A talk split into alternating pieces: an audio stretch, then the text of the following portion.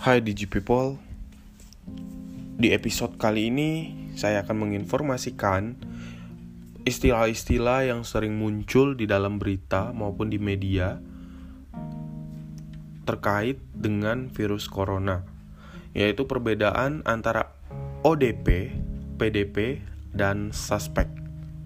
Jadi mungkin saat membaca pemberitaan seputar infeksi virus corona, Anda mungkin sering melihat istilah ODP, PDP, dan suspek. Sudahkah kamu tahu dan bisa membedakan ketiganya? Sebelum seseorang dinyatakan sebagai pasien positif infeksi COVID-19, mereka umumnya akan masuk dalam salah satu dari ketiga kelompok ini. Ketiga istilah ini dibuat untuk mengelompokkan resiko serta penampakan gejala dari orang-orang yang mungkin atau sudah terpapar oleh virus corona.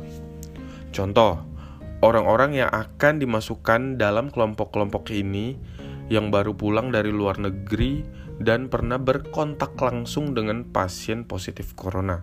Jadi perbedaan ODP, PDP, dan suspek virus corona. Agar tidak bingung dan salah langkah, ini adalah penjelasannya. ODP. ODP adalah singkatan dari orang dalam pemantauan. Seseorang dikatakan masuk dalam kategori ODP apabila ia sempat berpergian ke luar negeri yang merupakan pusat penyebaran virus corona. Anda juga akan masuk sebagai ODP apabila pernah berkontak langsung dengan pasien yang positif corona. Orang yang masuk dalam kelompok ini adalah mereka yang belum menunjukkan gejala sakit. Kedua, PDP. PDP adalah singkatan dari pasien dalam pengawasan. Artinya, orang yang masuk ke dalam kategori ini sudah dirawat oleh tenaga kesehatan, yaitu sudah menjadi pasien, dan menunjukkan gejala sakit seperti demam, batuk, pilek, dan sesak nafas. Selanjutnya, suspek.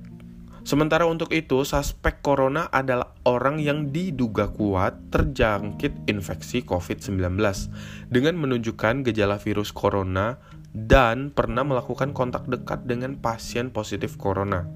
Pasien yang masuk dalam kategori ini akan diperiksa menggunakan dua metode, yaitu polymerase chain reaction atau PCR dan uh, genome sequencing.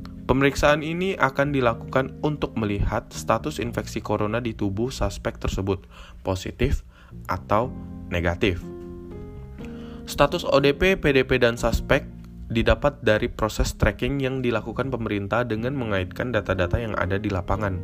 Pasien yang masuk sebagai salah satu dari ketiga kelompok tersebut akan diberitahu oleh petugas kesehatan terkait dan umumnya akan diinstruksikan untuk menjalani karantina selama 14 hari.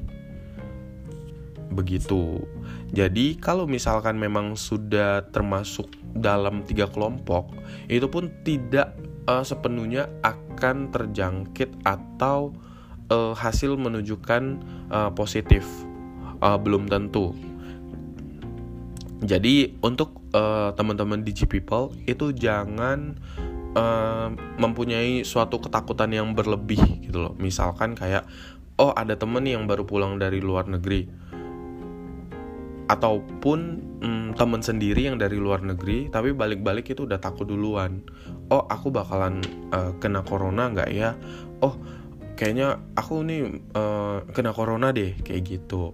Jadi teman-teman jangan perlu takut karena walaupun memang uh, sudah terjangkit atau positif uh, itu uh, bukan bukan uh, skamat kalau misalkan uh, langsung dijudge uh, meninggal gitu loh. Tapi uh, menunjukkan kalau misalkan antibodi kita itu nggak cukup untuk melawan itu. Akhirnya bisa terjangkit. Namun yang nggak sepenuhnya juga langsung uh, dijudge oh akan meninggal. Enggak kayak gitu. Karena uh, banyak juga pasien yang uh, bisa sembuh dengan sendirinya. Karena angka persentase yang menunjukkan dampak virus uh, fatality fatality dari dampak virus tersebut itu adalah 4% 4 persenan kurang yang akan uh, membuat uh, orang yang terjangkit itu meninggal.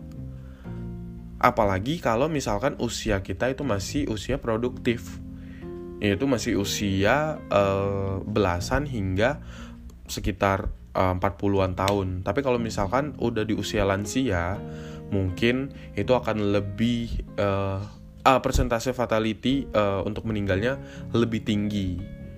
Ya, yang penting kita uh, dapat selalu uh, menjaga kesehatan dan ikutin tips-tips yang sudah diberitakan.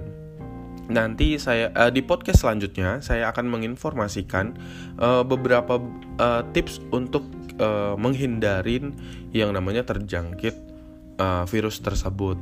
Oke, sekian dari saya dan terima kasih.